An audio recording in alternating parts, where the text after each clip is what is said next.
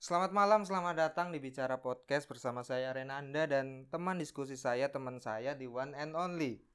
Halo guys, saya Zen di sini. Dan tak lupa juga kita nggak cuma berdua tapi ada editor kita di One and Only Editor. The man behind the scene. Oh bro. iya, ini otaknya loh, jangan dilupakan karena eh konten berkualitas di baliknya ada editor yang berkualitas. sepakat, sepakat, sepakat. kan konten itu kontributornya nggak cuma talent. Kita kita sebut namanya Iya. Faisal. Faisal, ya. Bung apa Mas nih? Mas aja.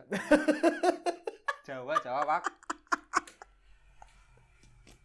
Ya, editornya Faisal. Jadi ada Renanda, aku, terus ada Zen dan ada Faisal. Dan di podcast kali ini kita akan bahas salah satu topik yang mungkin banyak mahasiswa udah pernah tahu karena Udah memang topik ini dipelajari ketika mereka mahasiswa Udah pasaran lah ya. pasaran tapi mungkin akan apa topik ini juga lebih disukai oleh para wanita Ya, boleh. karena katanya topik ini tuh memang relevan untuk menjelaskan keadaan mereka sampai sekarang. Suka nih. iya. Suka nih gua nih bridgingnya nih bagus banget. Relevan nih. Berarti kita akan bawa feminisme. Betul. Jadi kita akan ngomongin perempuan dan perempuan sering kali identik dengan namanya feminisme. Eh mungkin oh iya ding, aku jadi mau tanya Zen. Sebenarnya sebelum ke feminisme ya, itu Sebe- sebenarnya bentar aku juga mau Apa? nanya nih. Sebenarnya kenapa saya terus yang ditanya? loh iya, sini kan aku gimmicknya aku jadi host. Oh, Apa yang jadi tanya? ya. Aku jadi lebih bodoh, aku jadi tanya. ya boleh. Ya, eh, ini nih sebelum kita ke feminisme, aku sebenarnya pengen tanya, ada nggak sih bedanya antara perempuan, wanita, pria dan laki-laki? Kan kebetulan kamu kuliahnya sastra nih Ya. tentang bahasa. Betul. Nah, mungkin kamu pernah belajar tuh tentang itu. Itu ada nggak sih? Aku Seben- penasaran deh. Sebenarnya kalau dibahas dari tingkat bahasa itu hanya eh, perbedaan ini ya apa namanya kalau kalau dalam bahasa Inggris tuh sejenis vocabulary atau sejenis kata yang dia tuh punya tingkatan atau level. Nah, gue lupa sebenarnya apa apa nama istilahnya. Kayak misalkan kita bahas yang paling general itu flowers atau bunga. Nah, jenis daripada bunga itu ada rose gitu kan, ada mawar, ada melati gitu kan, ada anggrek. Nah, tapi itu dalam satu konteks bunga kayak gitu. Nah, kita berbicara masalah perempuan, Wanita, wanita, ya, dan laki-laki pria. juga pria gitu kan itu kalau di bahasa Inggris itu sama kayak boy ya kan Ah. boy terus man nah sama kayak uh, women uh, girl terus ada lady gitu kan Tapi kan itu perbedaannya secara fisik. Enggak. Penggunaan kata itu. enggak kata Oh, enggak. siapa enggak enggak, enggak. Terus apa dong? itu itu kalau dalam arti bahasanya itu lebih ke arah uh, tingkat umur atau kedewasaannya Oh, tapi kedewasaan. kedewasaan sifat, iya iya kualitas lah oh, dalam arti- kualitas diri lah ya. Nah, kualitas. Tapi kan kalau secara filosofi kedewasaan kan nggak selalu melihat umur Betul. kayak gitu Sepakat. ya kan. Nah, jadi sebenarnya eh, dalam bahasa pun tidak ada secara spesifik pada dasarnya itu ke arah kedewasaan baik umur ataupun ke arah dewasaan secara quality atau sifat kayak gitu. Hmm. Tapi secara general itu sama kayak kita misalkan punya KTP punya KTP Iya. dan dinyatakan dewasa ketika sudah kita punya KTP kan Oh. dalam undang-undang Indonesia kan. Kalau nggak salah undang-undang eh, tahun 2000 berapa ya yang menyatakan bahwasannya eh, anak-anak itu masih dilindungi hukum dari umur 0 sampai umur 18. Se- Tapi kita punya KTP umur 17 jadi gua agak sedikit agak sedikit nggak paham di situ. Oke oke. Kenapa beda ya? Nah sama aja kayak kita berbicara masalah ini kualitas-kualitas itu tuh nggak nggak termasuk dalam umur atau nggak termasuk dalam sifat kayak gitu. Tapi secara general kita bisa tentukan bahwasannya girl atau perempuan itu Hmm. lebih general daripada women atau lebih pada daripada ladies kayak gitu. Oh gitu. Ya ya ya. Hmm. Oke balik lagi. Tadi kan intermezzo. Ya. Ini kita kan tadi ngomong bahwa perempuan identik dengan feminisme. Oh iya, iya, iya. tadi tadi. Kalau dalam pribadimu Zen, kalau di sastra belajar ini nggak sih tentang gender? Secara spesifik Ada matkulnya nggak? Kalau secara spesifik mungkin nggak. Oh nggak. Tapi kita adalah pretelan-pretelannya di sosiolinguistik, terutama buat anak-anak linguistik ya. Oh gitu. Kalau di gua ada di sosiolinguistik di mana pada dasarnya uh, kita belajar kata yang tepat untuk digunakan ketika lawan bicara kita perempuan. Oh jadi intinya penggunaan kata ketika kamu ngadepin siapa itu ya iya penggunaan katanya yang tepat terus- seperti apa Iya, terus uh, mana kata yang lebih melekat dengan perempuan, mana kata yang lebih melekat dengan uh, laki-laki. Terus dalam bahasa di beberapa bahasa juga kan ada yang disebut dengan maskulin, ada yang disebut dengan feminin. feminim Uh, contoh kalau nggak salah di Jerman apa ya? Jerman kalau nggak salah atau nggak ya seumuran uh, setetek bengeng Jerman lah. Kalau nggak salah Jerman, Prancis itu punya feminin, maskulin, uh, Itali juga gitu lah. Kalau nggak salah ya, hmm ya itu juga ada di dalam pembahasan. lah kamu ini kan apa namanya selama kuliah ini menurutmu ya ketika kamu udah banyak baca buku kamu pernah ikut organisasi dan mungkin lingkaranmu ada yang orang ilmu sosial juga kalau kamu sendiri memaknai feminisme itu apa?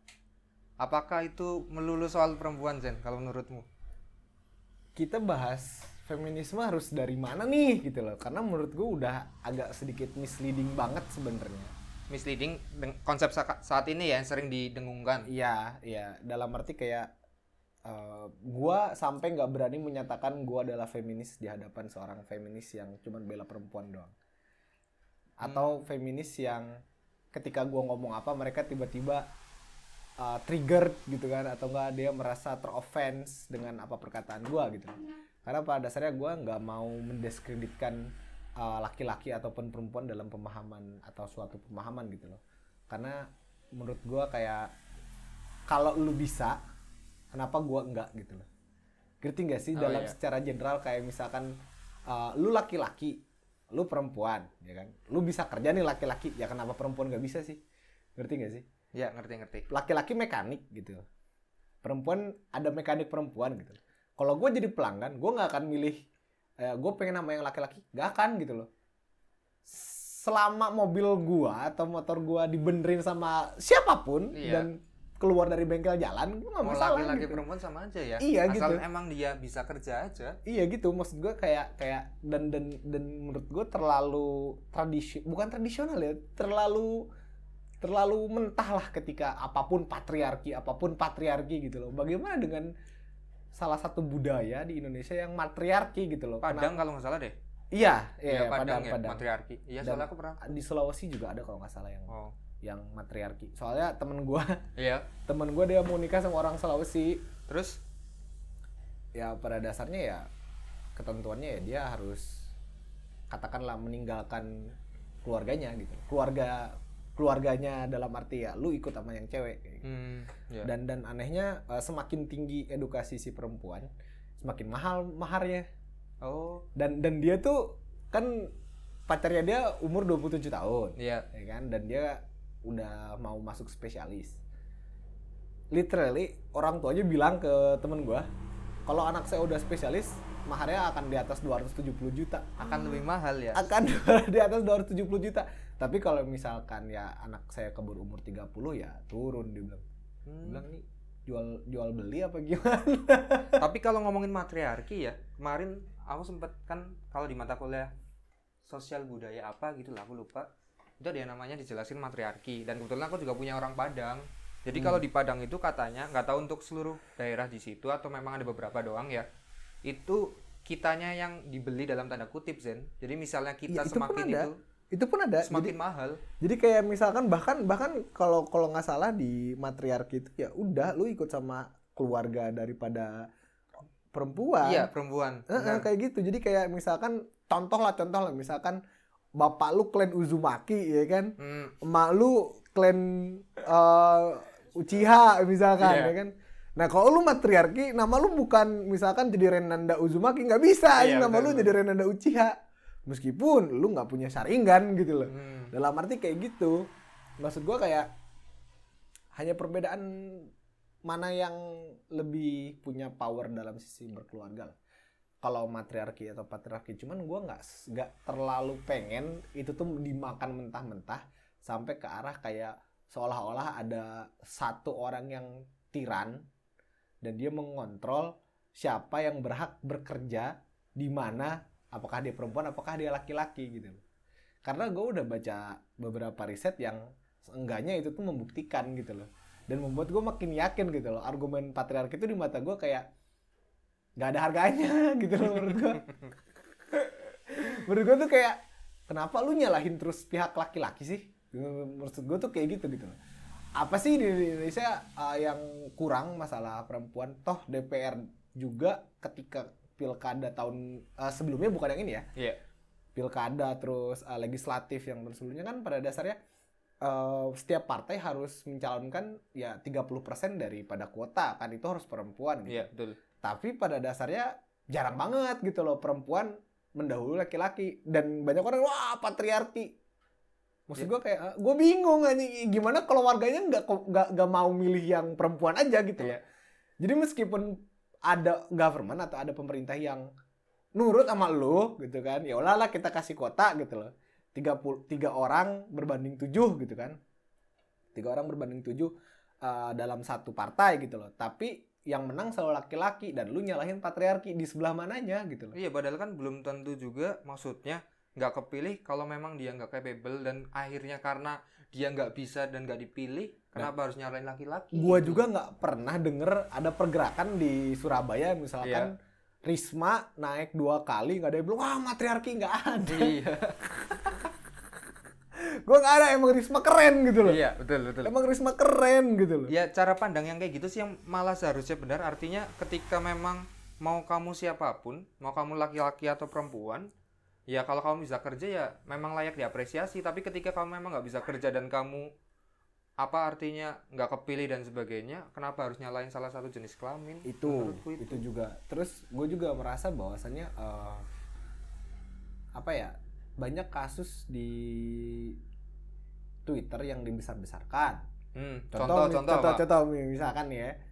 Seorang istri bikin sandwich buat Oh, suaminya Ini, aku tahu nih Iya kalau kan? yang bikin bekal. dia bikin bikin bekal lah ya Iya. buat suaminya dikata bahwasannya ya wah kamu tunduk pada patriarki Iya betul itu lu apa? maksud lu lu ke arah mana gitu loh dalam arti kayak oh jadi seorang istri nggak boleh berbakti pada suaminya Nah, dengan itu. mem- membeli eh, mem- membikinkan membuat bekal makan siang buat suaminya gitu lu ngerti nggak sih lu nge-force pemahaman lu sampai mana gitu kayak misalkan kenapa dia bisa dipandang salah di mata lu gitu loh tapi dipandang masyarakat banyak itu tuh kayak suatu hal yang pada dasarnya nyaman gitu loh yang indah gitu Iya. bukan suatu hal yang wajib ya Iya betul. gitu loh karena menurut gua nggak pernah ada ketentuan di mana seorang wanita harus masak Memang betul. nggak pernah ada ketentuan kecuali zaman hebel zaman dulu di mana pada dasarnya itu didekatkan distereotipkan seperti itu.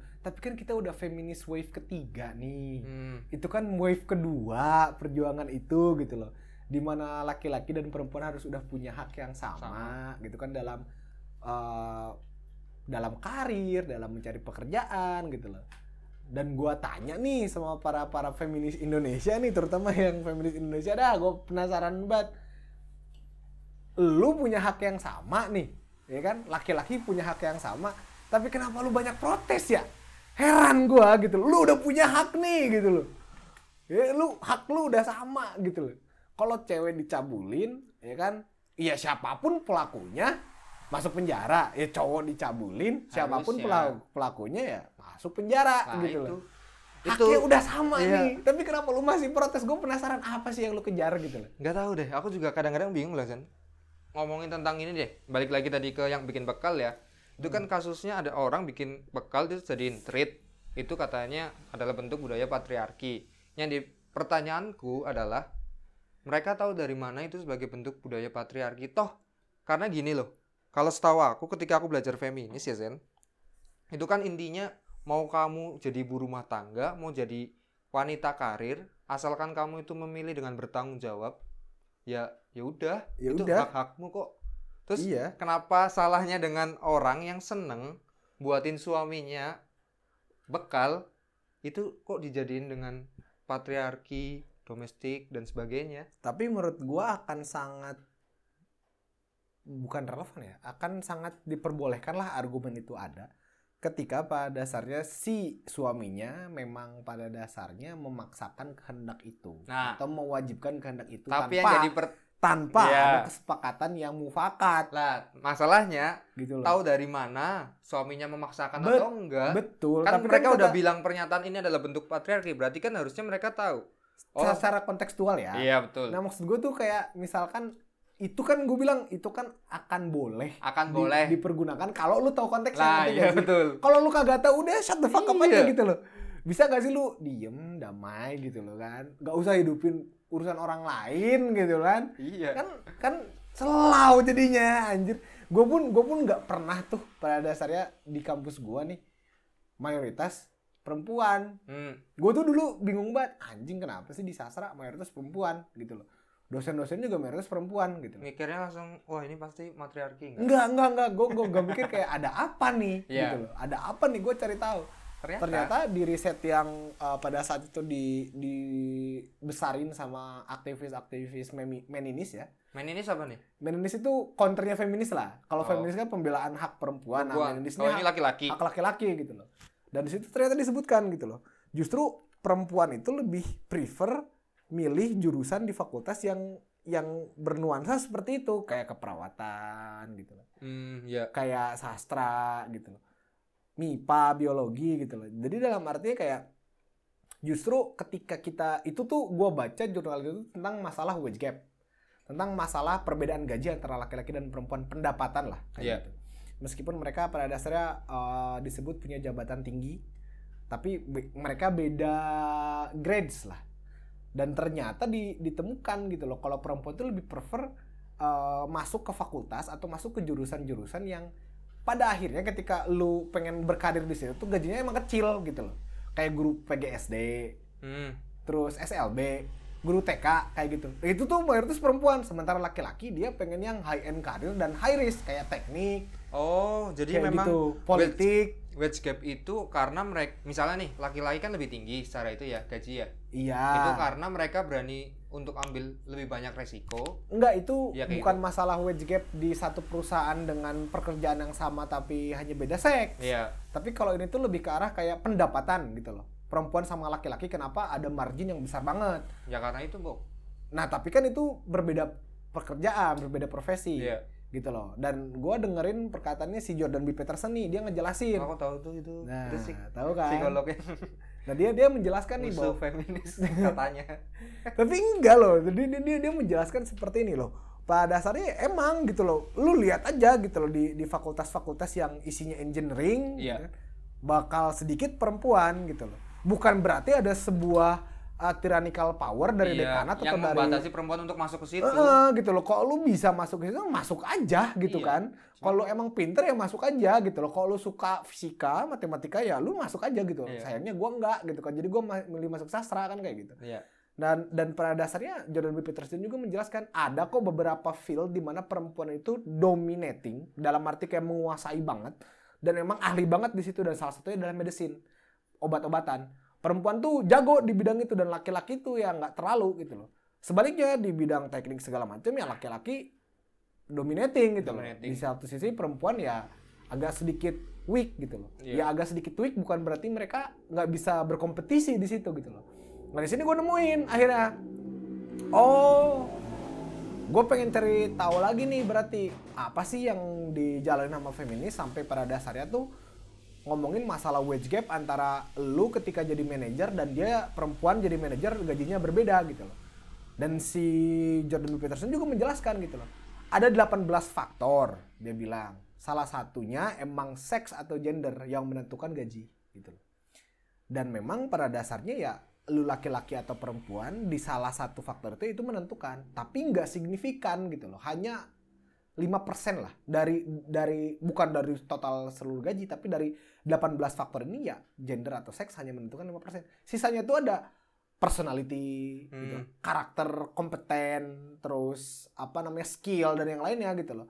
Karena nggak make sense ketika lu menyalahkan ini gaji gua berbeda hanya karena seks gitu loh. Oh, jadi kesannya lebih ke simplifikasi ya kalau teman-teman Iya. dari oknum lah kalau Nah, bilang sih. Dan kayak gitu gue tuh langsung menemukan oh iya kalau misalkan perempuan digaji lebih murah dibanding laki-laki dengan pekerjaan yang sama kenapa nggak semua perusahaan nge-hire perempuan?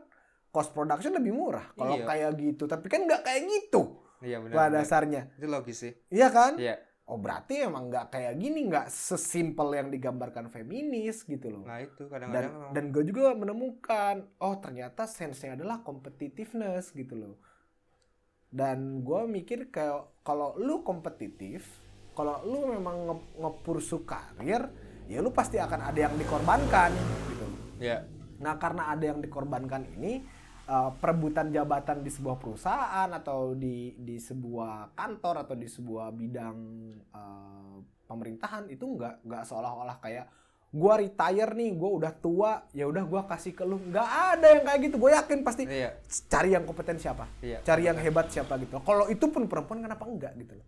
Karena kan welfare-nya bukan hanya ke kantor, tapi kan ke masyarakat banyak gitu.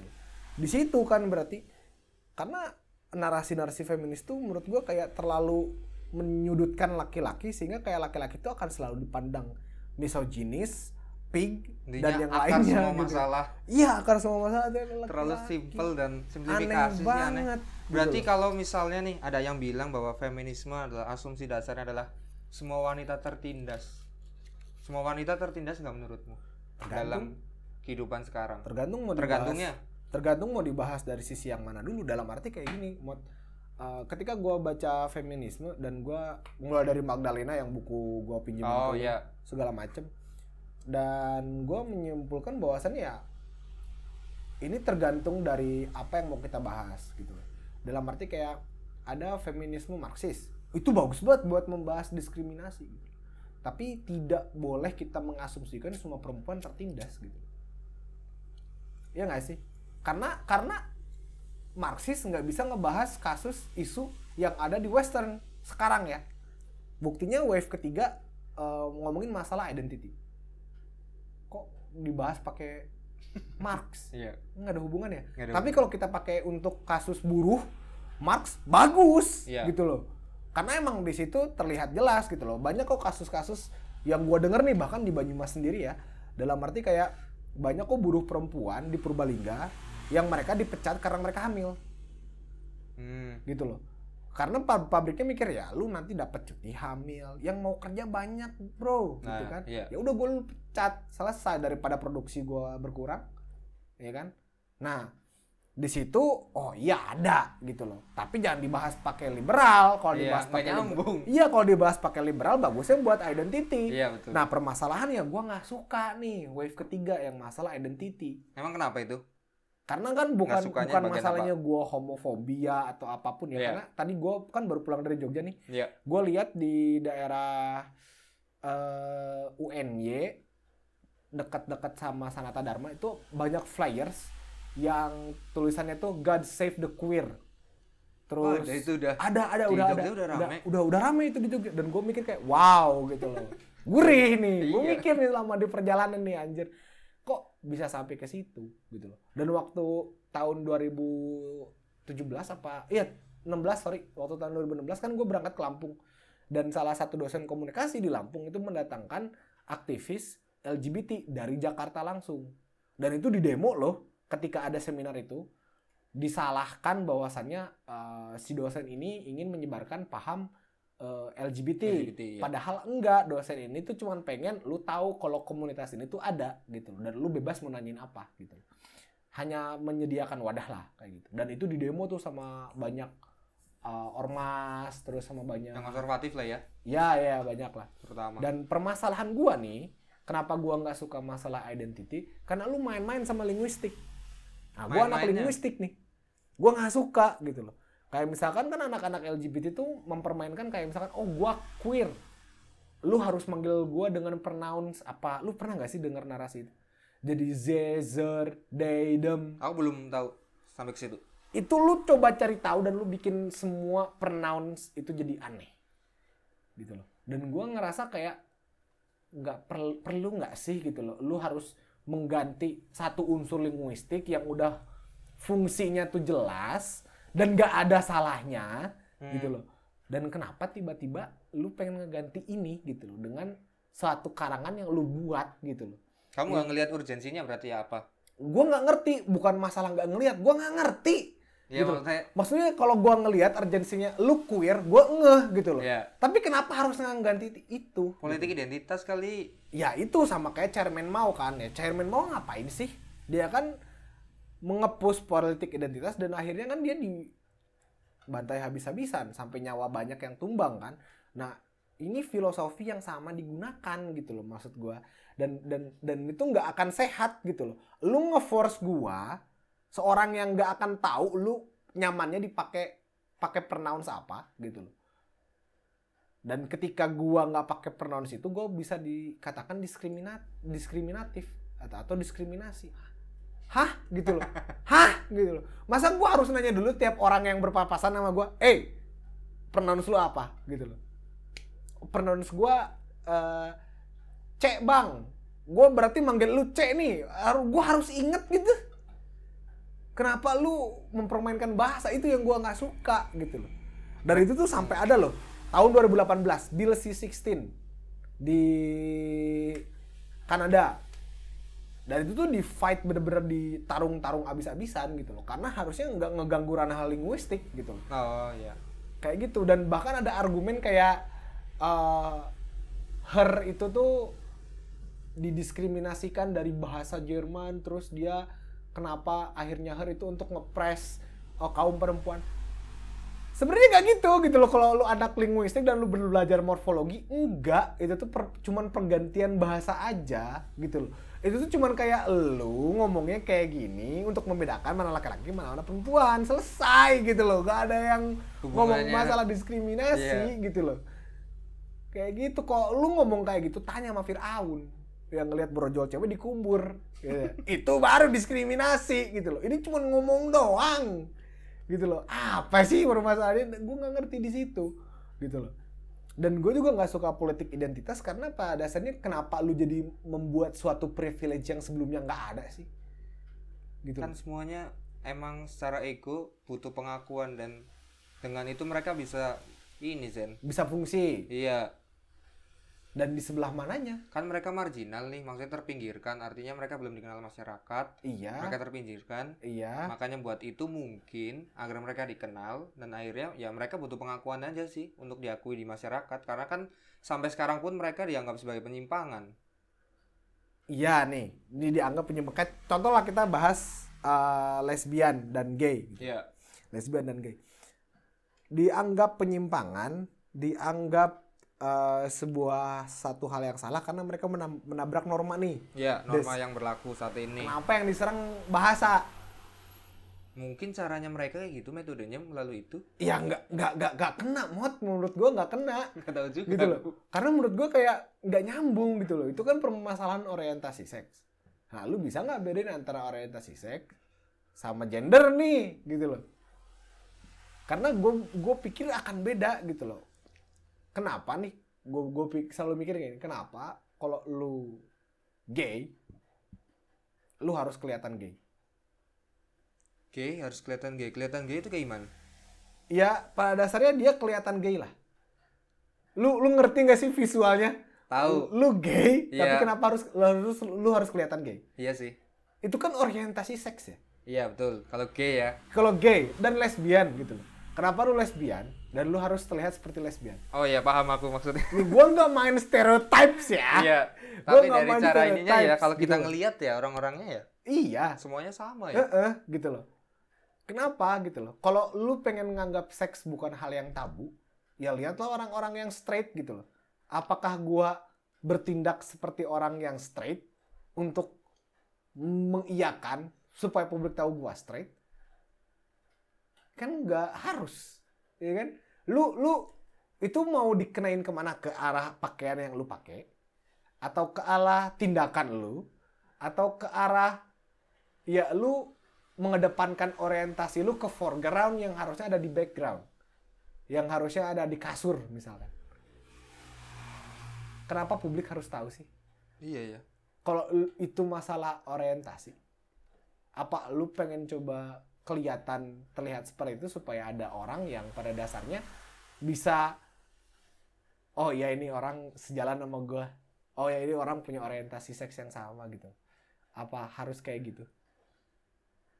Dan banyak loh ya di gua gua gua lihat di western ya karena gua nggak tahu di Indonesia kayak gimana. Tapi gua banyak lihat di western orang-orang yang gay yang besar ya gay-gay besar ya bukan gay-gay yang ada di Gay besar besar maksudnya? dia artis lah Oh, gitu kan. maksudnya memang orang yang terkenal. iya terkenal gitu loh punya jabatan gitu kan dia nggak terlihat seperti orang gay gitu ya dia biasa aja maksud gua tuh kayak ya udah lu cowok ya udah biasa gitu loh nggak nggak kelihatan Nggak harus memperlihatkan. nggak harus memperlihatkan gitu loh tapi orang-orang tahu dia gay dan selesai di situ gitu loh kalau lu pengen mengakui kenapa nggak mulai dari deklarasi sih? Gitu loh. Oke kalau lu deklarasi orang bakal menyem, sampingan lu membuat lu ke marginal tapi kan lu udah marginal dari awal.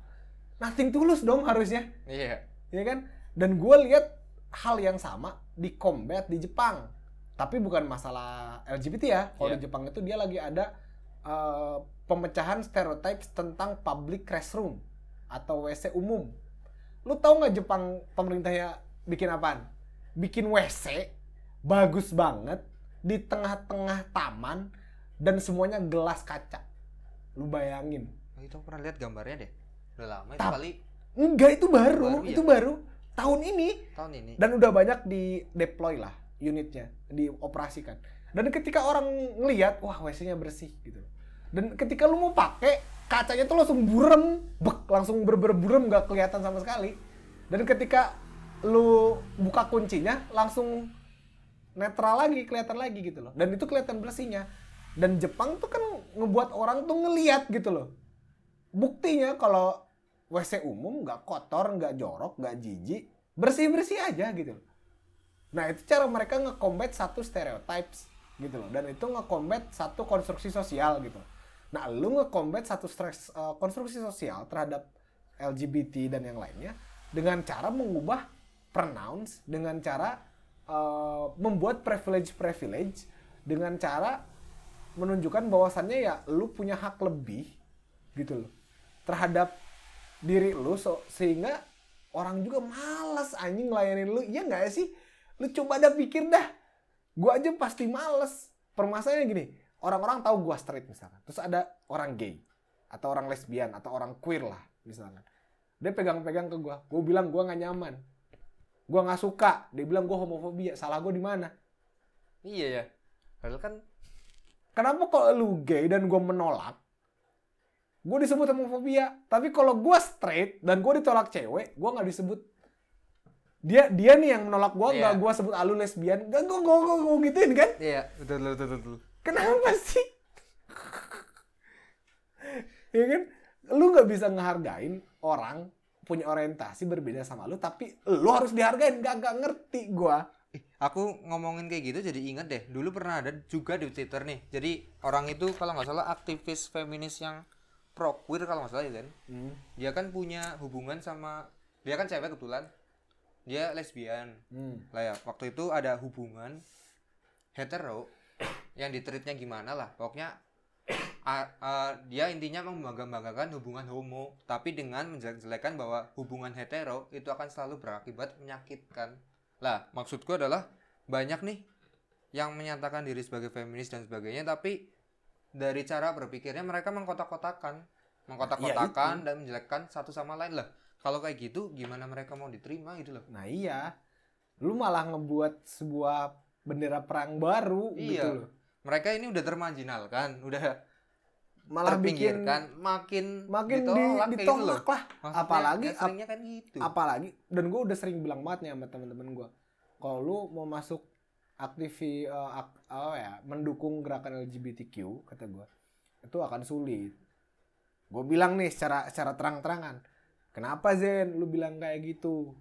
Karena kita sudah termarginalkan, dia bilang apa karena eh, sangat impossible buat orang-orang Indonesia untuk menerima orang-orang yang kayak gitu. Saya bilang enggak. Yang lu musuhin sila pertama Pancasila udah selesai. Kita tuh negara yang dekat dengan agama. selesai. Gue tanya dah di agama mana kata gue yang Iya. menghalalkan itu. Kalau lima agama menghalalkan, lu ada musuh satu agama kata gue dan itu major populasinya. Selesai lu, susah kata gue. Kecuali lu mengubah tulisan ayat Al-Quran baru kata gue. Dan dia langsung bilang gua apa? Homofobia babi. Nah, aneh itu. banget kata Kadang-kadang lah kan gue jujur ya ngasih Iya, tahu ya musuh lu siapa? Gitu loh. Musuh lu sila pertama pancasila. Selesai.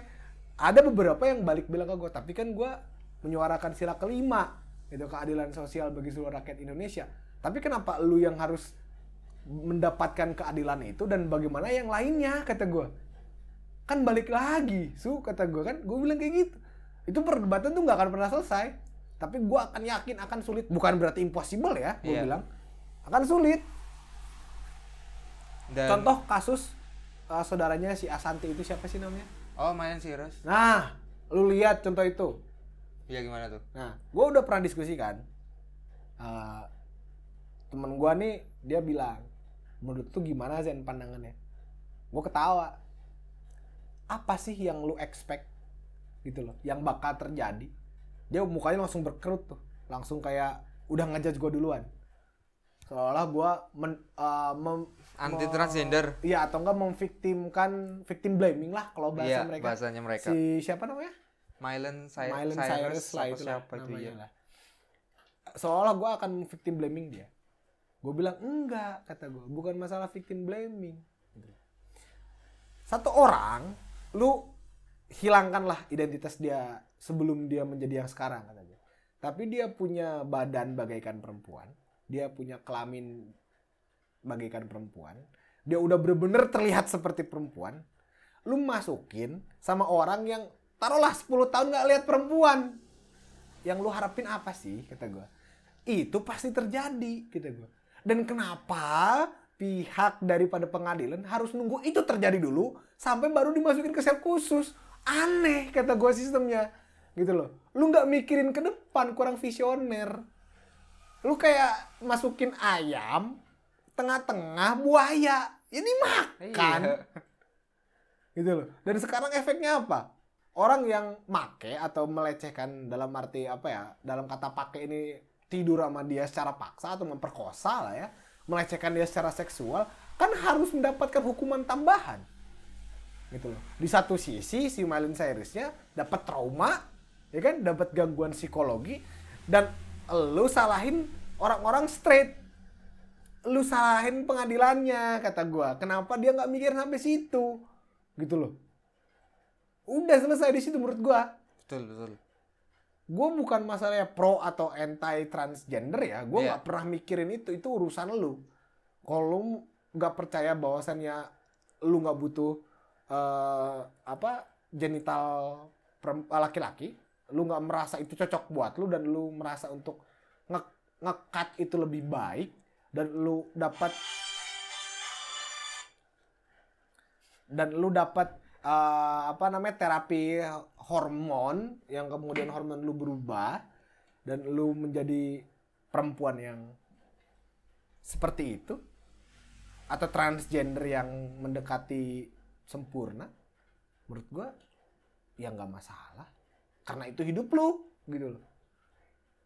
Cuman kenapa pada dasarnya lu harus takut mengakui bahwasannya lu telah mengalami proses yang seperti itu? Gua nggak paham. Kayak lu Sinta Luna orang-orang udah pada yakin nih publik wah lu transgender. Dia bilang saya perempuan tulen gitu loh. Gue nggak ngerti dah dia perempuan tulen apa kagak. Tapi kalaupun dia perempuan tulen bagus lah buat lu tapi kalaupun lu transgender ya kenapa lu nggak mau ngaku? Gitu loh. Harusnya kan gue bilang tadi kenapa lu nggak deklarasi aja sih? Lu pede aja sih. Terus kalau lu transgender kenapa sih? Lu takut ada yang marginalkan lu? Tapi kan fightnya di situ. Iya nggak sih? Oh, berarti memang dari awal kan harusnya udah konsekuen ya dan sadar bahwa resikonya adalah itu. Dan menurut gua kalau mereka konsekuen dan kalau mereka pada dasarnya concern untuk memerangi eh, apa namanya diskriminatif Ya harusnya itu, fake buat itu ya. ya harusnya approach lah. Iya, Menurut gua ya udah. malah nyembunyiin ya Iya. dari awal. Ya udah gitu loh menurut gua. Iya gua transgender ngapa? Lo lihat Dorce. Iya dari dulu tuh. Dari Dorce kan dia mengakui dari awal. Sampai sekarang lu lihat Dorce respect sama dia. Iya, nggak ada nggak ada yang terkait Iya kan? bully dengan dia. Nggak ada yang wah Dorce dulu batang misalkan kayak Iya. Nggak ada yang ngomong kayak gitu. Karena memang dari awal baik. udah itu ya. Iya kan? Betul. Orangnya juga baik, ngasuh anak yatim banyak. Ya udah, kita kan otomatis melihat manusia berdasarkan kualitasnya, bukan berdasarkan batangnya atau enggak kan begitu. Iya, harusnya memang seperti itu sih. Iya kan dan feminis juga harusnya melihat seperti itu feminis ya. Iya. Tapi kalau paham feminisme memang membentuk karakter yang seperti itu, memang membentuk paham yang seperti itu gitu loh. Kalau lu bisa, intinya nih feminisme, kalau lu bisa kenapa gua enggak? Kalau perempuan mendapatkan itu kenapa laki-laki enggak? Lu lihat Finlandia. Emang Finlandia ada apa? Loh, Finlandia itu memutuskan di bill tahun 2018 apa 19 ya, yang dia akhirnya memutuskan bahwasanya yang mendapatkan hak libur atau hak cuti hamil itu bukan perempuan saja tapi laki-laki. Hmm, kesadarannya udah sampai sana ya? Ya iya, Bahwa rum jangan-jangan berarti emang karena rumah tangga adalah tanggung jawab berdua. iya. Gara-gara itu? Iya, dan dia melihat bahwasanya seperti ini, bukan masalah biologis dia bilang, tapi bagaimana kemudian generasi depan bisa bersama orang tuanya saat masa pertumbuhan. Hmm. dan dia ngebentuk terus kayak kalau eh, setelah hamil melahirkan itu cuti enam bulan. Diambil sama dua-duanya. Setelah dari situ ya cuti enam bulan tapi dibagi dua. Boleh laki-laki tiga bulan boleh perempuan tiga bulan. Boleh laki-laki empat bulan perempuan dua bulan. Ini gimana kesepakatannya lah. Dan mereka akan tetap mendapatkan gaji sampai anaknya lima tahun. Tetapi itu berlaku cuma satu anak yang lima tahun gitu loh jadi kayak per anak nih kayak ada sistem KB yang lebih advance lah kan kalau di kita sistem KB yang masih dua anak cukup Iya. gitu loh kalau di sana karena ada UU itu jadi satu anak nih selangnya lima tahun lima tahun Hmm. gitu loh jadi Iya. udah mendukung ke eh, ngepres populasi menjunjung orang yang berkarir karena wanita karir otomatis kita nggak mau lah ngelihat kayak Jepang gitu loh yang wanita karir itu kepus sampai umur 30 atau kayak Korea Selatan kan Hmm. kepus sampai umur 30-an baru mereka uh, punya anak atau baru mereka memutuskan menikah kan kalau Korea Selatan lu menikah nanti fans lu marah lu nggak punya duit Oh iya. Gitu. Kalau kalau Jepang kan workaholic tuh Iya. ya kan dia nggak peduli sama hubungan uh, cinta mereka pedulinya ya gua berkarir workaholic sehingga kan kalau di Jepang akhirnya uh, umur menikah diturunin dari berapa tahun ke 14 untuk laki-laki? Eh 15 untuk laki-laki 14 untuk perempuan. Karena di Jepang tuh udah teriak kita kekurangan generasi muda. Tua Sampai yang tua-tua susah iya. mati. Kenapa? Karena pengobatannya GG gitu loh. Ya kan? Di Korea Selatan tahun 2017 udah on trial tuh. Rahim yang dikonservasikan. Jadi perempuan dicabut rahimnya nanti dipasang lagi ketika dia mau menikah kalau dan kalau mau punya anak Buset. jadi rahimnya masih kualitas ketika pertama kali dicabut. Dan sehingga eh, buat punya anak tuh nggak susah-susah amat. Wanita kan nggak kayak laki-laki. Dia ada menopause. Oh iya. sel telurnya tuh eh, limited lah. Oh iya terbatas ya. ya kalau laki-laki kan limited. Mau lu 70 Terus-terusan. tahun kayak masih tetap Masih bisa ini, bisa menghamili. menghamili orang eh, menghamili perempuan. Nah itu permasalahannya. Eh dan Selatan melihat itu Iya, gitu loh betul. advance sampai situ Eh tapi Zen ngomong-ngomong tentang ini ya feminisme, ketika ngomongin perempuan dan feminisme, sebenarnya kalau menurutmu laki-laki itu juga teru apa di dalam sistem yang katanya timpang ini, laki-laki itu rugi nggak sih? rugilah Ruginya di mana emang? Karena gini, lu akan didiskreditkan dari skill lu, dari kompetitifnya lu, dari semua yang lu punya hanya karena kuota.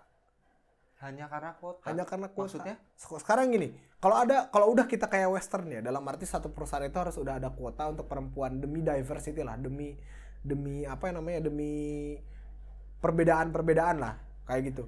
Tapi otomatis itu membuat kompetitif lu hanya kepada kelompok laki-laki saja, bukan untuk umum. Gitu loh. Karena diukurnya yang pertama ya gender dulu.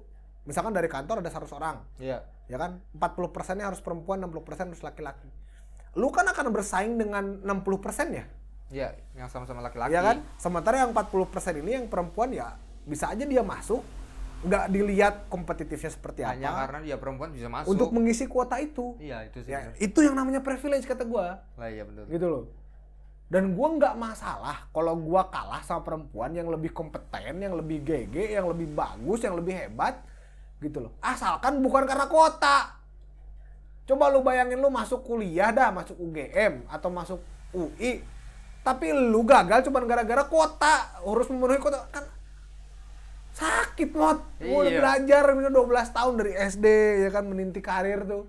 Ya kan gue pengen masuk UGM pengen masuk UGM pengen masuk ITB wah ya kan. Tiba-tiba pas sudah mau di depan gerbang lu ditolak cuman karena kuota. Karena kamu laki-laki. karena kamu laki-laki. Fightnya jelek anjir lama-lama kelamaan kita bergerak nih untuk Iya. laki-laki Oh, ya kan iya.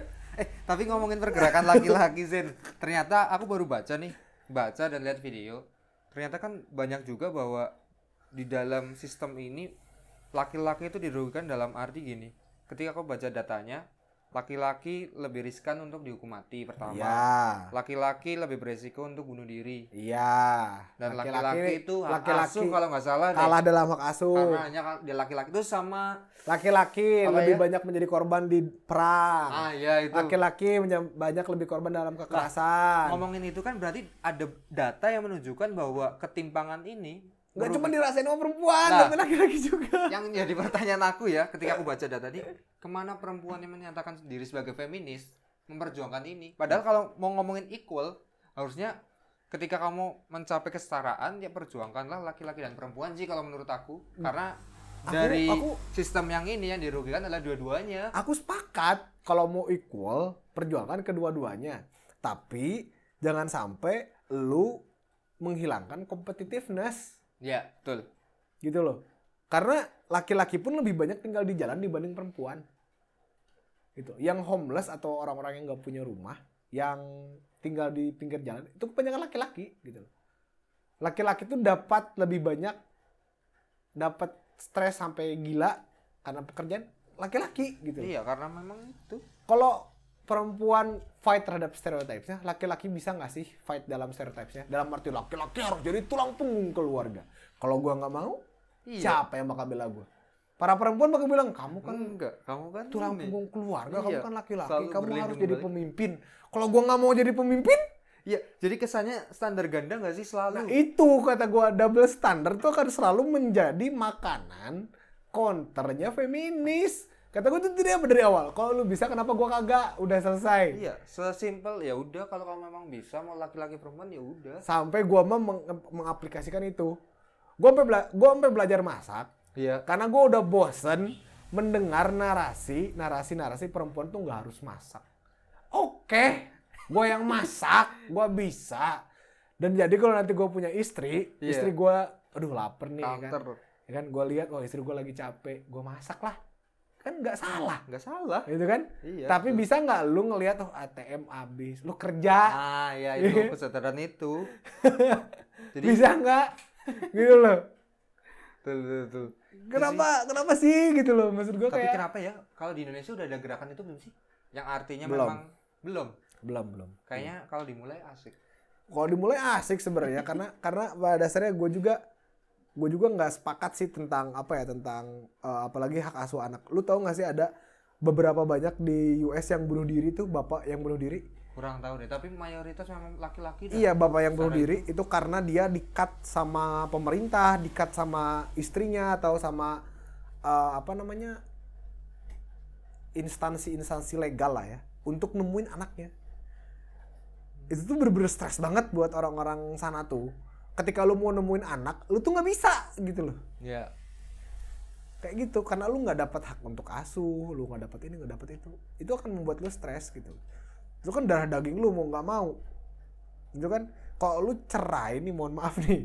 Kalau lu cerai kan lu cerai sama istrinya bukan sama anaknya. Iya, betul. iya kan? Eh, mau nggak mau itu anak lu kan? Gitu. Kalau gua nih nauzubillah ya. Iya. dan jangan sampai ya gue cerai nih misalkan ya kan gua nggak gue pasti bodoh amat sama istri mantan istri setelah itu. yang ya, gue peduli kan anak gue ya kan? Kan kayak gitu. Cuman sayangnya kayak gini lu baru bisa dapat hak asuh anak ketika lu kaya ya kan? Ketika lu net worth-nya banyak Hmm. dan anak ini lebih terjamin ketika ya lu punya hal-hal yang seperti itu. Tapi akan selalu kayak gini seorang anak itu harus diasuh oleh ibunya. Itu akan digunakan ketika memperjuangkan hak anak Ya, jadi Tapi dalam- itu Nah, tapi dalam dunia pekerjaan itu akan wah lu termakan patriarki. Wah, tai anjing kata gue. Iya, jadi kalau memang mau enak-enaknya di kantor pakai yang kayak gitu. Nah, iya. Tapi ketika memang apa ya? Intinya standar ganda dah. Ya, ini emang Banyak. standar ganda gitu loh. Lu lihat aja dah. Pada dasarnya orang-orang yang ngamen laki-laki apa perempuan. Laki-laki dong. Nah. Pokoknya kayak pemulung laki-laki. terus apa ya pengemis. Iya. Banyak kok laki-laki tapi nggak pernah ada yang menyuarakan mereka. Nggak ada. Terus itu kenapa itu? sayangnya. Itu sih. Ya menurut- disayangkan ketika mereka mendengungkan kesetaraan tapi mereka mengkotak-kotakan justru. Nah, dan gue tuh paling nggak demen sebenarnya. Kenapa gue sebenarnya nggak? Tadi kan gue cerita, gue sampai nggak sampai takut gue kalau gue menyatakan diri. feminis iya gitu di hadapan seorang feminis gitu loh. Karena gue beda paham feminisme dengan dia gitu loh. Karena kalau dia paham feminisme yang kayak gitu, gue tolak sumpah. Gue menolak feminisme yang seperti itu. Karena gue feminisme itu kan sebenarnya mulia. Hmm. Bukan kesetaraan dalam gender aja yang dia perjuangkan, tapi kan memanusiakan manusia. Iya. Udah nggak ada laki-laki, nggak ada perempuan, lu semua orang gitu loh. Iya, jadi pandanglah dia sebagai manusia, bukan Iya. laki-laki atau perempuan. Kan intinya di situ. sesimpel itu sih Iya. menurutku. Makanya akan selalu kayak kayak formula matematika lah. Kalau misalkan konsepnya bener, lu paham, hitungannya bener, formulanya bener, ya mau lu balik-balikin juga akan dapat core yang sama. Ya karena konsepnya udah dipegang. Nah, sama kayak gue juga tadi. Kenapa gue bilang kalau lu bisa, kalau perempuan bisa, Kenapa? kenapa laki-laki enggak? Kalau laki-laki bisa, kenapa perempuan enggak? Berarti kan otomatis di sini kita melihat dua-duanya sebagai eh, sebagai Sebagai manusia. orang gitu loh, sebagai manusia gitu loh. Nggak ada laki-laki, nggak ada perempuan gitu Hmm. loh. Kalau mau single single, bebas. Kalau mau berjodoh berjodoh, mau nikah nikah, bebas gitu. loh. Bebas, betul. Selebihnya dari itu selesai gitu loh. Hal-hal yang lain yang menyangkut kayak agama kayak gitu, mendingan di privatein deh. Kalau menurut gua, gitu loh. Meskipun banyak riset yang menunjukkan bahwasannya eh, lu mendapatkan anak orientasi seks yang berbeda itu karena didikan, karena apa? Itu ada risetnya gitu loh. Cuman gua belum berani mengungkapkan itu sebagai pedoman gua untuk pada dasarnya misalkan untuk berargumen dengan LGBT karena gua tahu lu pengen di accept gitu loh. Lu pengen diterima. Kalau gua ngomong kayak gitu lu akan seolah-olah gua memarginalkan gitu loh. Padahal gua nggak pernah mikirin buat memarginalkan seseorang gitu loh. Kenapa? Karena gua mikir kayak ya udah gua feminis nih ya kan ya? Gua mau manusiakan lu gitu loh. Hmm. kalau lu gay ya udah gitu loh. Lu gay. Untuk diri lu sendiri. Jangan bawa bawa gue karena gue straight. Kalau lu nggak ngelihat itu gitu loh ya lu sama aja lu menyalahi hak gue gitu loh. Dan gua Sebagai melihat- seorang straight ya. nah sebagai seorang straight gitu loh. Jangan ngeforce lah. Intinya itu jadi urusan sendiri dan jangan paksakan orang lain untuk Heeh, dan gue nggak masalah. Iya. kayak misalkan kemarin kan ada tuh sempet yang 17 Agustus itu. Apa sih? yang orgy gay hotspot apa ya nama IG-nya itu. Gue lihat di berita tuh itu sampai kayak eh, Enggak ini di Indonesia di mana? di Indonesia di Indonesia Lagi literally 17 Agustus kemarin. lagi 17 Agustus Terus kemarin ada apa? itu orgy orgy gay Ah, jadi lombanya tuh kayak lomba blowjob di mana? sumpah lu lihat beritanya itu sampai ada di line Kok Today. viral? Biasanya viral kalau itu. viral lu Oh, nya aja seriusan Kan orang orang kalau- gua aja nggak liatnya nggak dari line today sebenarnya gua Oh, liatnya iya. dari Google nih kan kalau lu lihat uh, punya Google kayak news atau apa kan otomatis yang yang headline yang dibaca sama banyak orang keluar. Iya. dan gue keluar itu kan gue anjir penasaran kok gue baca. Wah babi itu bener-bener kayak gue gak bisa mendeskripsikan apa hubungannya antara orgi lu dan perayaan Indonesia Raya babi. Bahkan ya sebelum sebelum sebelum mulai acaranya itu nyanyi Indonesia Raya dulu. Nggak ada hubungannya. Karena gue ngapain kok lu mau orgi orgi aja? Iya kan? Iya, iya, iya. Jangan dibuat sampai akun IG ya kan? Ada undangan. Ya lu digerebek. Lu mau nakal-nakal publik Iya, padahal itu dikata urusan- orang apa konsumsi narkoba depan polisi ya kagak Iya, juga. logikanya. kata orang mabok depan polisi ya nggak juga. Aneh menurut gua. Gitu. Bahkan sampai ada kayak masker. Kalau masker lu merah berarti lu eh, kalau nggak salah ya lu top kalau lu putih berarti lu bottom Oh. berarti yang top ini yang bakal penetrasi Ah. yang bottom itu yang bakal dipenetrasi Oh, ada itunya SOP. ada SOP-nya. Lu harus pakai masker yang begituan, buset. Kacau ya kata gua. Kata gua, ya Allah sampai kayak begitu ya. Emang lu nggak puas apa? gua nggak pernah mikir kayak lu nggak puas apa sama satu pasangan gitu kan kalau kalau dia kan nggak akan habis-habis ya kenapa lu harus kayak orgy sih? Itu udah wild banget gak sih? Menurut gua konsep yang wild banget. Lu bayangin dia 30 orang lebih melakukan seks bergantian gitu. Lu udah nih sama ini saat ah gue coba sama dia.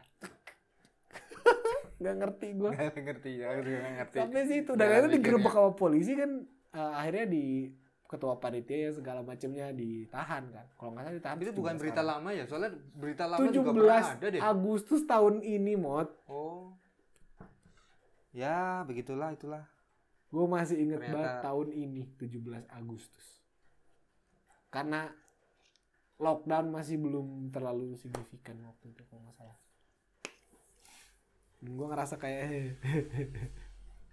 gue nggak bisa berkata-kata lagi dah hotspot hotspot aneh banget kata gue dan apa itu perjuangannya gitu loh dengan mengumpulkan orang-orang yang sama kayak lu lalu lu pesta kayak gitu jangankan orang-orang yang gay dan gue nggak ngeliat gaynya orang-orang yang straight orgy ditahan polisi pasti Pasti. Iya kan? Banyak gitu loh. Karena nggak seharusnya kayak gitu gitu loh. Ngapain pesta seks? Yang gue pikir itu sebuah eh, ritual ya untuk lu dan pasangan lu siapa pun itu. gitu. Privat ya intinya. ya. Privat gitu loh. Bukan sesuatu yang harus dikonsumsi oleh publik. Iya. Aneh banget menurut gua. Dan gue menolak feminisme yang modelnya tuh kayak gitu.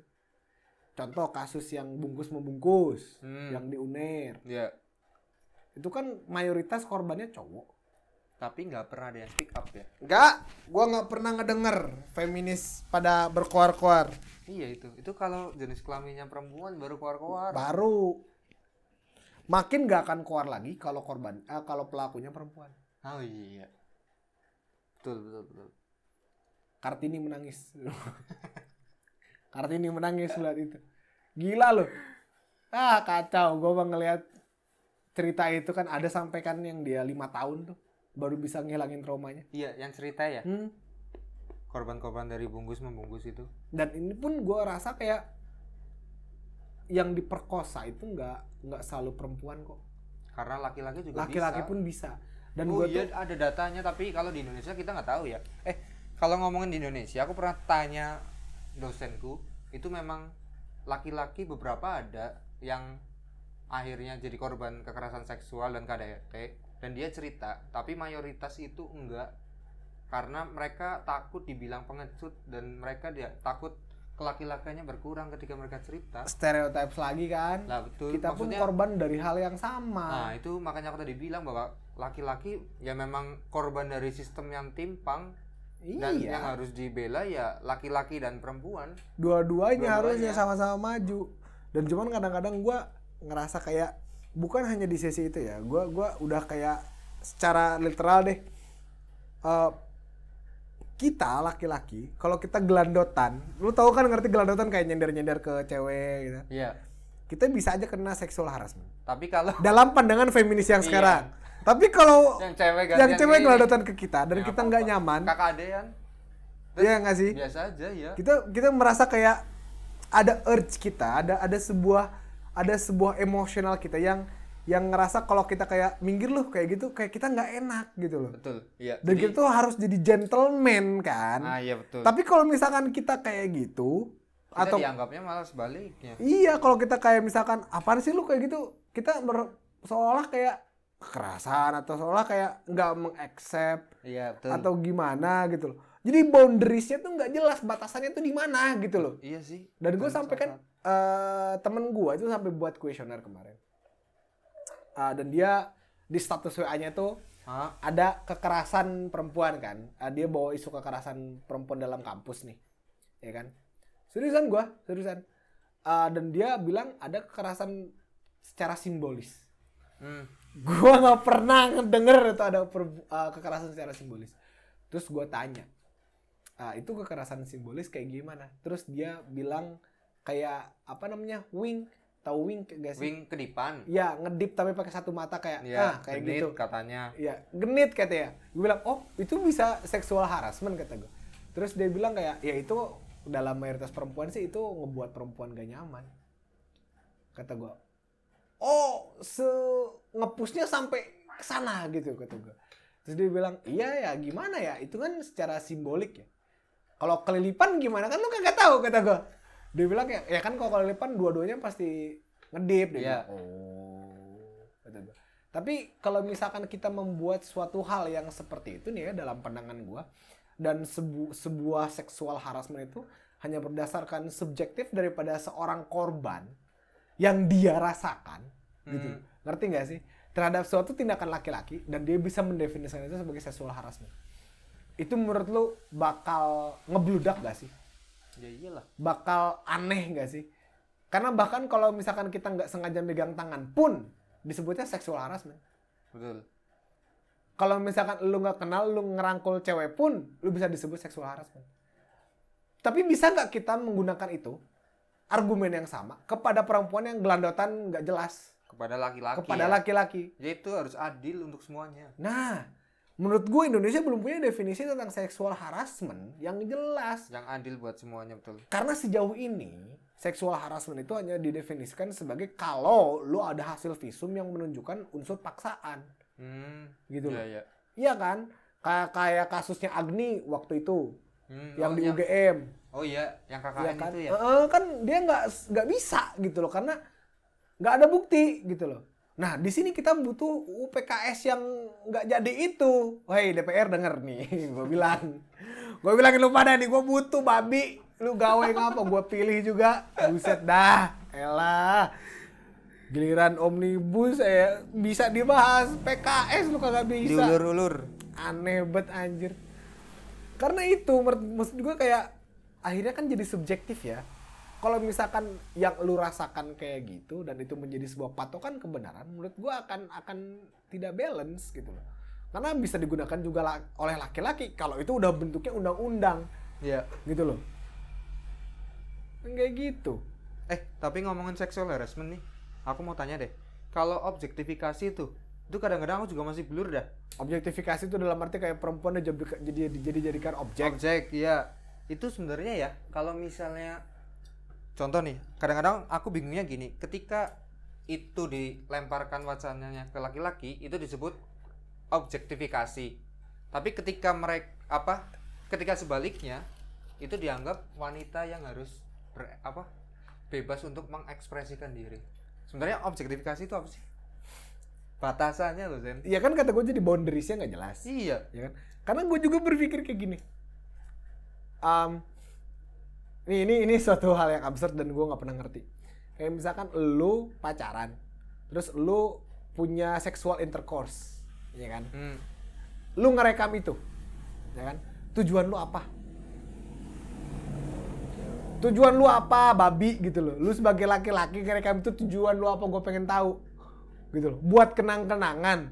Kalau lu udah udah pernah ngelakuin itu tinggal lakuin lagi anjir. Gak usah lu ngerekam ngapain gitu loh karena jeleknya gue gue berpikir apa coba itu buat jadi tropi ditunjukin ke temen-temennya ya kan nih lihat nih gue udah tidur sama dia ngapain ah, menurut gue itu Itu objektifikasi. objektifikasi yang menurut gua secara jelas itu boundariesnya. Oke. Kayak misalkan nih, kayak misalkan lu foto cium, ya kan? Lu tunjukin ke temen lu. Ketika perempuan dijadikan tropi, itu objektifikasi. Boundariesnya jelas gitu loh.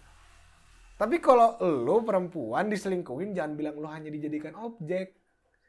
Itu boundariesnya nggak jelas soalnya. Karena bisa aja perempuan itu lebih baik daripada lu. Sadar aja udah sih kalau menurut gua. Dan laki-laki pun sama gitu loh. Emang laki-laki nggak digituin? Banyak laki-laki yang iya, digituin. yang disiul Iya yang kan? maksudnya Hei, bagian tubuh ganteng. kita Iya kan? emang jadi pembicaraan Iya orang-orang Kita pakai skinny jeans, dilihatin oh, pelernya gede amat gitu Iya. kan. Terus buat badan kekar badan, Badan bagus kekar ya bidang kan. Lu, semuanya lu inget gak sih yang atlet badminton? oh Jojo Nah, itu objektifikasi yang itu jelas. six-packnya itu yang Iya iya kan? rahim Aku- banget aku, rahim aku banget mau tidur sama dia. Buset. iya betul betul itu Gue kalau itu temen gua, kalau itu temen gue yang bilang aku mau tidur sama dia, gak akan gue jadi temen lagi anjir. Rendah banget lu. Gila. Itu menurut gue definisi objektifikasi yang jelas udah kayak gitu. Kalau lu menganggap bahwasannya dia tropi Hmm, gitu loh. ya. Bukan objek objek kayak kayak apa ya? Objek kayak kasur enggak maksud gua tropi kenapa gue bilangnya tropi? Itu karena bisa dibanggakan. Lu bangga terhadap pasangan lu bukan karena dia punya bentuk yang seperti itu. Harusnya lu bangga dengan pasangan lu karena dia punya certain qualities. Gitu loh. Karena dia punya pandangan-pandangan yang bagus. Dan harusnya bangganya itu bukan karena lu memiliki dia gitu loh. Tapi lu orang yang berpasangan dan berpartner dengan dia udah selesai nggak sampai dalam kata kutip memiliki gitu loh. Karena kalau udah bilang memiliki berarti possession kan? Berarti ada berarti ada kata apa ya? Kata kepemilikan lah.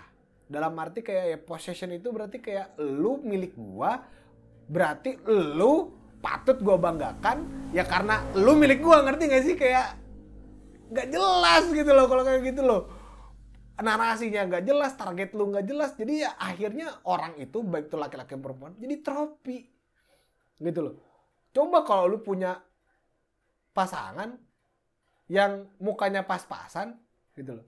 Tapi lu mau nggak sih nunjukin itu ke orang banyak? Nih cowok gua, buset gitu kan. Laki-laki bisa nggak sih nggak kayak gitu juga? Nih cewek gua, nih gebetan gua. Karena mulai dari situ, karena mulai dari sosial dengan kayak definisi dari gebetan, gitu loh. Apa sih, gitu loh. Menurut gua, gua tuh nggak nggak sepakat kayak misalkan gebetan lu banyak ya, misalkan ada orang yang bilang kayak gitu, gebetan lu banyak, hah? Gue bahkan nggak ngerti artinya gebetan itu apa. Apakah hanya karena gua dekat dengan beberapa orang perempuan, beberapa perempuan itu disebut gebetan gua? Padahal kalau menurut gua ya udah dia diskusi sama gua, ya kan? Dia ngobrol sama gua. nggak ada maksud buat kedeketin anjir. Toh kalau misalkan terjadi kedekatan, ya karena obrolan, ya karena diskusi, selesai sejauh dari itu nggak ada gua ngarepin dia buat jadi cewek gua atau simpenan gua gitu loh. Nah ini kualitas-kualitas ini yang menurut gue tuh kayak pandangan-pandangan sosial yang menurut gue belum dewasa, yang melihat kedekatan berarti gebetan, PDKT berarti karena ada usut cinta atau suka gitu loh. menurut gue itu yang membuat objektivitas ini boundariesnya di situ gitu loh. Nggak di hal-hal yang nggak jelas kayak kayak yang tadi lu diselingkuhin berarti gue cuma jadi objek lu mainin perempuan mainin perasaan perempuan perempuan tuh jadi boneka itu berarti jadi objek. Enggak kalau menurut gue akan lebih logis kalau itu dijadiin trofi Eh, tapi nih, pernah kayak gitu. di ini juga ada influencer nih yang bikin acara apa ya? Kalau nggak salah mirip podcast apa radio itulah itu ngundang cewek memang yang cantik-cantik dan seksi. Tapi setelah direkam kan ada editing. Itu tuh juga dikasih ke ceweknya ada keberatan atau enggak. Lah itu pernah diserang. Wah ini nih influencernya memanfaatkan wanita untuk viewers. Karena kebetulan ngundang-ngundangnya adalah cewek-cewek yang seksi. Itu menurut lo objektifikasi bukan Justru lu yang ngomong kayak gitu lu mengobjektifikasikan si influencernya. Hak lu apa, babi? kalau Iya nggak? Coba lu pikirin. Nih, kita podcast nih, Iya, bertiga nih. betul. Terus kita filtrasi lah dari unsur cantik. ya Ya misalnya kan? Misalkan ya. Wah, ini orang nih. eh, apa namanya ngundang cowok-cowok dari unsur cantik doang nih. Objektifikasi nih. Lu yang baru objektifikasi ke, objektifikasi ke gua. Kan hak gua gua mau ngundang siapa pun, ge. Ya kan? Kalaupun itu untuk viewers, elunya aja yang pengen lihat cewek cantik ya. Yang punya objektifikasi siapa di sini kan lu. Lagian juga nggak semua orang cantik diundang gitu. Pasti ada certain qualities, pasti ada certain certain eh, persona atau pandangan yang si cewek ini punya dan kita pengen coba cari lebih tahu kayak gitu. Menurut gue kayak lu yang punya pandangan yang nggak baik kayak gitu. Itu objektifikasi tuh. Sebenarnya yang kayak begitu menurut gua yang nggak jelas. Emang emang gua nggak boleh. Dari mananya nggak boleh gue tanya. Si ceweknya keberatan nggak? Ceweknya nggak keberatan? masalah iya maksudku kalau misalnya ceweknya nggak keberatan pun objektifikasinya di mana sih karena ya itu si influencernya itu memang membela dirinya ada proses editing dan dikasih lihat ke sumbernya ini keberatan nggak keberatan nggak selesai Kalau kita berbicara masalah objektifikasi, lu tanya model yang disuruh pakai baju ini, Hmm, Iya kan? jalannya kayak gini Jalannya kayak begitu, iya kan? harus kurus Berat segini. badannya harus segitu, rambutnya harus segini. Ah, itu baru objektifikasi. Lu serang dah majalah-majalah, baru itu jelas. eh tapi ini lagi deh jadi loh. aku mau nyambung kalau misalnya nih objektifikasi itu apakah berlaku untuk diri kita sendiri? Maksudnya gini misalnya ada perempuan yang sadar bahwa dia punya tubuh yang seksi lah dalam kacamata mainstream ya dan dia menggunakan itu untuk cari atensi cari viewers itu objektifikasi dan kamu mengamini ada perempuan yang kayak gitu nggak? Gue mengamini ada perempuan yang kayak gitu karena gue hidup di dunia gaming juga. Iya. dan di dunia game oh tuh iya banyak kalau banget, gaming itu banyak banget banyak banget yang banyak banget. Ngeliatin- Twitch Twitch streamer tuh banyak banget. Kayak Pokimane. Pokimane kan dia cakep banget sebenarnya. Iya. dan orang-orang cowok yang nyembah dia dalam arti ngasih donasi segala macam itu karena dia cakep. Hmm. gitu loh. Sebenarnya mah kalau lihat cara mainnya mah gago gitu loh. Bodoh dia Cuman mainnya. dia ngandalin yang lain ya? Dia ngandalin yang lain. Tapi itu maksudnya objektifikas nggak? Maksudnya dia mengobjektifikasi diri sendiri atau enggak? Atau objektifikasi kalaupun dia mengobjektifikasi dirinya dia sendiri kan dia nggak keberatan. Berarti nggak masalah bagi dia. Tapi kalau lu ya kan memandang itu dan lu ngelihat satu streamer atau youtuber yang lagi live hanya karena elok badannya ya lu mengobjekti eh, mengobjekkan dia lu yang salah. Tapi lu kalau nonton hanya karena itu ya lu yang salah. Dalam konteks ini gitu loh. Kayak gitu. Karena banyak banget nih eh, kalau lu nonton Twitch misalkan ada orang yang gameplaynya tuh di layar yang besar terus wajahnya dia di layar yang kecil. Iya. nah kebanyakan kalau Itu Twitch, kebalikannya. Twitch itu kebalikan gitu loh. Gameplaynya di layar yang kecil Tapi badannya. badannya dia yang wow banget itu di layar yang besar gitu loh. Itu kan intentionnya mereka Iya. untuk dapat view untuk dapat duit gitu loh kalau lu mau memandang itu sebagai pada dasarnya wah dia mengobjektivasikannya diri dia sendiri dan bukan salah gua. Menurut gua menurut gua lu juga ada salahnya di situ. Karena lu juga mengobjektifkan itu gitu loh. Karena lu lihatnya si ceweknya bukan lihat Game. gameplaynya bukan lihat dia mainnya gimana kayak gitu. Gitu menurut Berarti itu gua. sama aja salah satu bentuk kebebasan berekspresi bukan? Ketika dia menggunakan badannya untuk asal atensi. dia nggak keberatan dan asal dia nggak menggunakan argumen yang sama kepada orang yang ngelihat itu. Contoh maksudnya? contoh misalkan gue tuh masih nggak ngerti kenapa gue bisa disebut victim blaming. Kalau misalkan ada orang cewek pakai tank top ya kan? Yang bener-bener ngetat banget yang bener-bener kayak letter necknya itu sampai ke bawah banget gitu loh. Dan ketika gue mandang dia merasa nggak nyaman tapi gue mandang juga nggak gue liatin terus wah gitu. Kagak gue liatin terus babi gitu. Ya kan kita mana- mandang sekeliweran kan. Iya. oh, oh ya udah. Gue pun malu lah ngeliatin gitu loh. Iya. tapi gue cukup tahu doang tapi dia merasa nggak nyaman. Nah menurut gue tuh kayak ngerasa kayak lu pakai baju yang harusnya lu nyaman tapi lu ngerasa nggak nyaman ketika orang lain ngeliat Lihat, lu ya. gitu loh Ya bukan salah kita juga untuk ngeliat ya. iya kecuali kalau Kecuali kalau misalkan kita habis lihat terus kita ngelakuin ngeliat lagi kita Ah. foto baru gua salah Nah iya. Gitu Tapi kalau memang airnya berpakaian Nah, kayak gitu. sama kayak waktu yang gue lihat tahun 2015 waktu eh menyuarakan perempuan apa ya waktu itu UI apa ya gerakannya di UI Hmm? dan ada satu poster dipegang sama perempuan dan dia memang pakai baju lumayan minim tapi dia pakai jaket. Tapi necknya ini kelihatan banget. Dan dia bilang kalau tete gua gede emang kenapa? Gue bilang nggak kenapa-napa. Gitu loh. Dan gua nggak nyuruh lu buat nutup juga. Tapi seenggaknya kalau misalkan ada orang yang lewat ya lu kalau malu pun ya berarti lu harusnya nggak pakai baju itu. Ya kan? Iya. kalau misalkan lu nggak malu ya udah bagus buat lu gitu loh. Karena gua kalau lihat film-film kayak di western yang pakai bikini segala macam kalau di pantai gua nggak ngerasa gua gua liatin tetenya satu kagak. Gua ngerasa biasa aja gitu loh. Gua nggak ngerasa itu sexual attractiveness gitu loh. Menurut gua itu ya udah pakaian yang lu pakai gitu loh.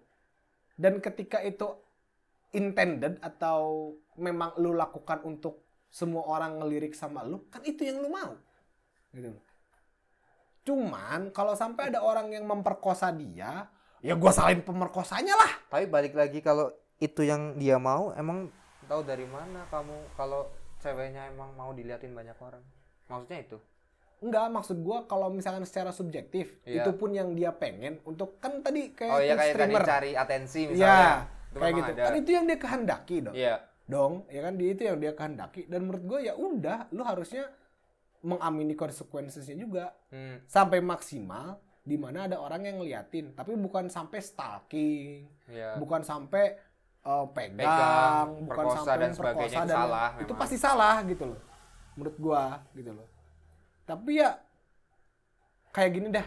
Kalau kalau perempuan pakai baju yang U-nya gede atau necknya besar sampai belahan dadanya kelihatan. Laki-laki coba pakai celana yang sampai jembutnya kelihatan.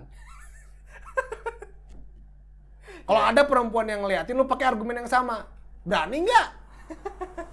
Gua tanya, iya pasti ceweknya nggak terima aja pasti iya kan? iya Kamu ih gak boleh pakai baju Iya, nggak kayak boleh gitu. ngeliatin Loh, loh, loh, loh, loh, loh. Badan-badan saya, hak-hak saya, my body my authority my body my authority, lu pakai argumen yang sama, enak pasti dia sama lu.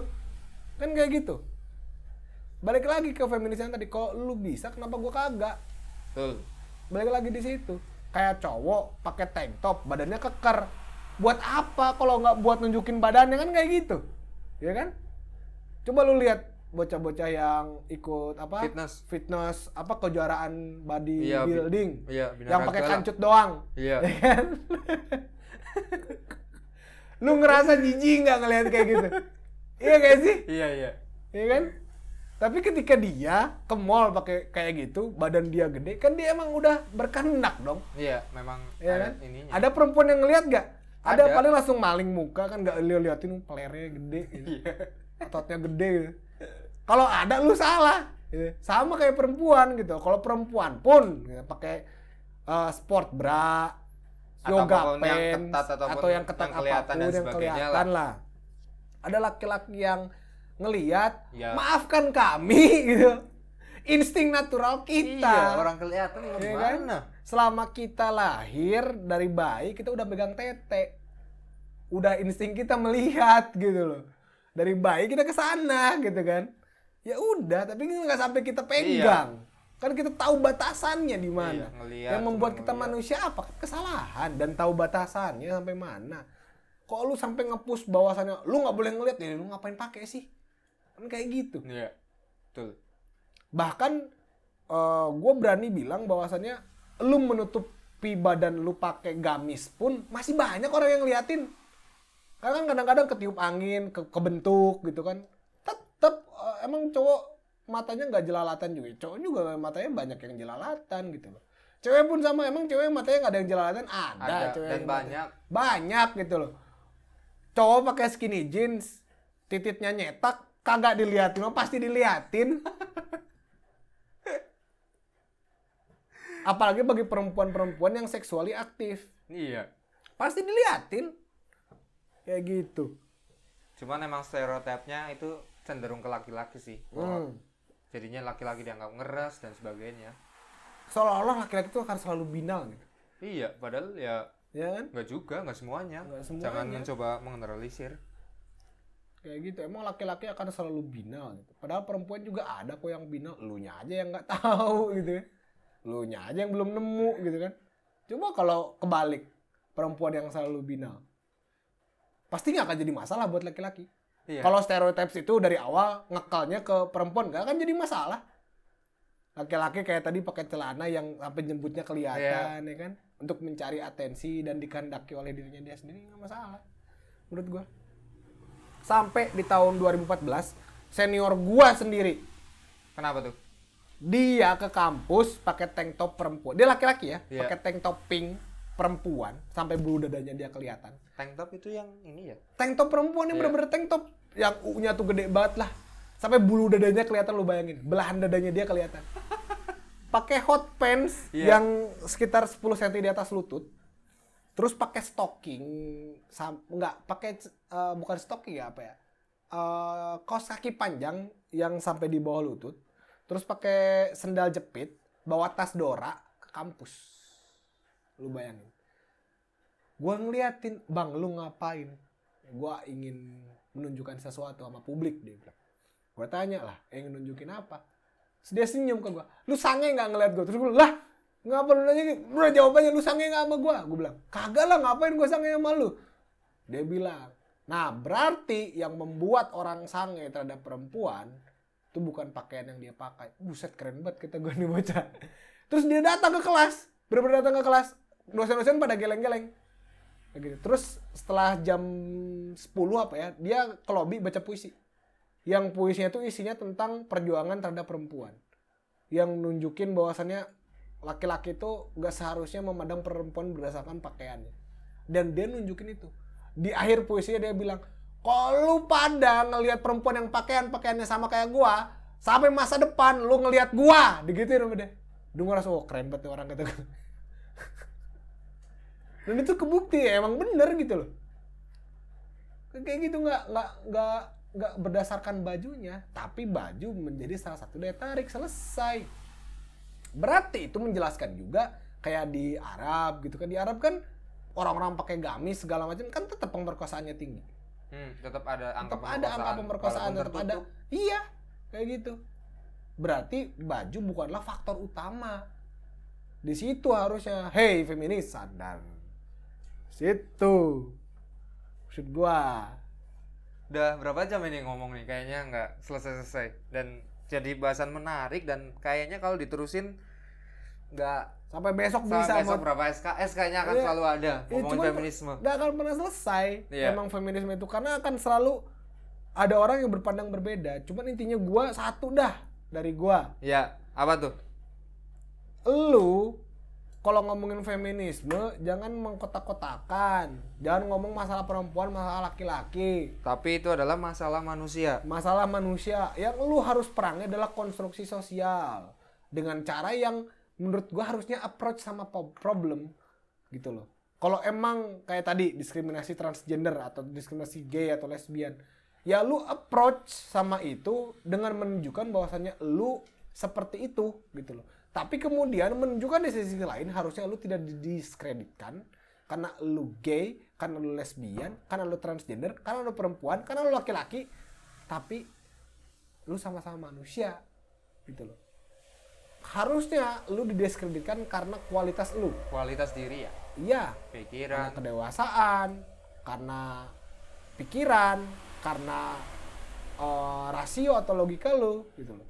Harusnya itu yang lu bisa diskreditkan bukan hal-hal yang bersifat seksual Soal atau hal yang Biologis. biologis gitu loh. Harusnya nggak sampai situ. Dan balik lagi ke prinsip gua, masalah feminisme. Kalau lu bisa, kenapa gua kagak? Kalau perempuan bisa, kenapa laki-laki enggak? Kalau laki-laki bisa, kenapa perempuan juga enggak? Cos- Case close di situ menurut gua. Mantap sekali. Super. Ya, eh karena udah terlalu malam dan harus besok Senin dan harus kuliah, gua enggak. maka obrolan kali ini cukup disekiankan dan mungkin bagi teman-teman yang penasaran, eh nggak punya sosial media kamu ya? Enggak punya. Oh ya udah jangan jangan aku nanti aku diserang SJW SJW feminis apa Faisal aja nih. Enggak, kita kan akan punya IG-nya di bicara nanti. oh iya nanti kalau Langsung aja di DM aja ke bicara IG-nya. IG-nya apa ya aku lupa. Apa sih IG-nya? Bicara.laur. Apa ya? Bicara Nggak tahu. titik kan? Bicara titik ya? Bicara Oh, titik iya. udah bicara aja. Nanti kita eh, bisa kalian eh, lihat bicara dan kalian bisa komen atau DM atau bahkan mau request pembahasan atau diskusi silahkan eh, DM aja nanti dan kalian bisa hubungi eh, IG-nya untuk diskusi bareng juga nggak Ya masalah. intinya kita feel free to discuss lah. Kita nggak tertutup dalam satu pandangan karena ya menariknya di situ kita ngomong apa pun, tapi kalian juga bebas ngomong apa pun. Iya, kita- Asal itu ini ya nggak ngomongin penggal-penggal dan sebagainya. itu udah beda omongan itu.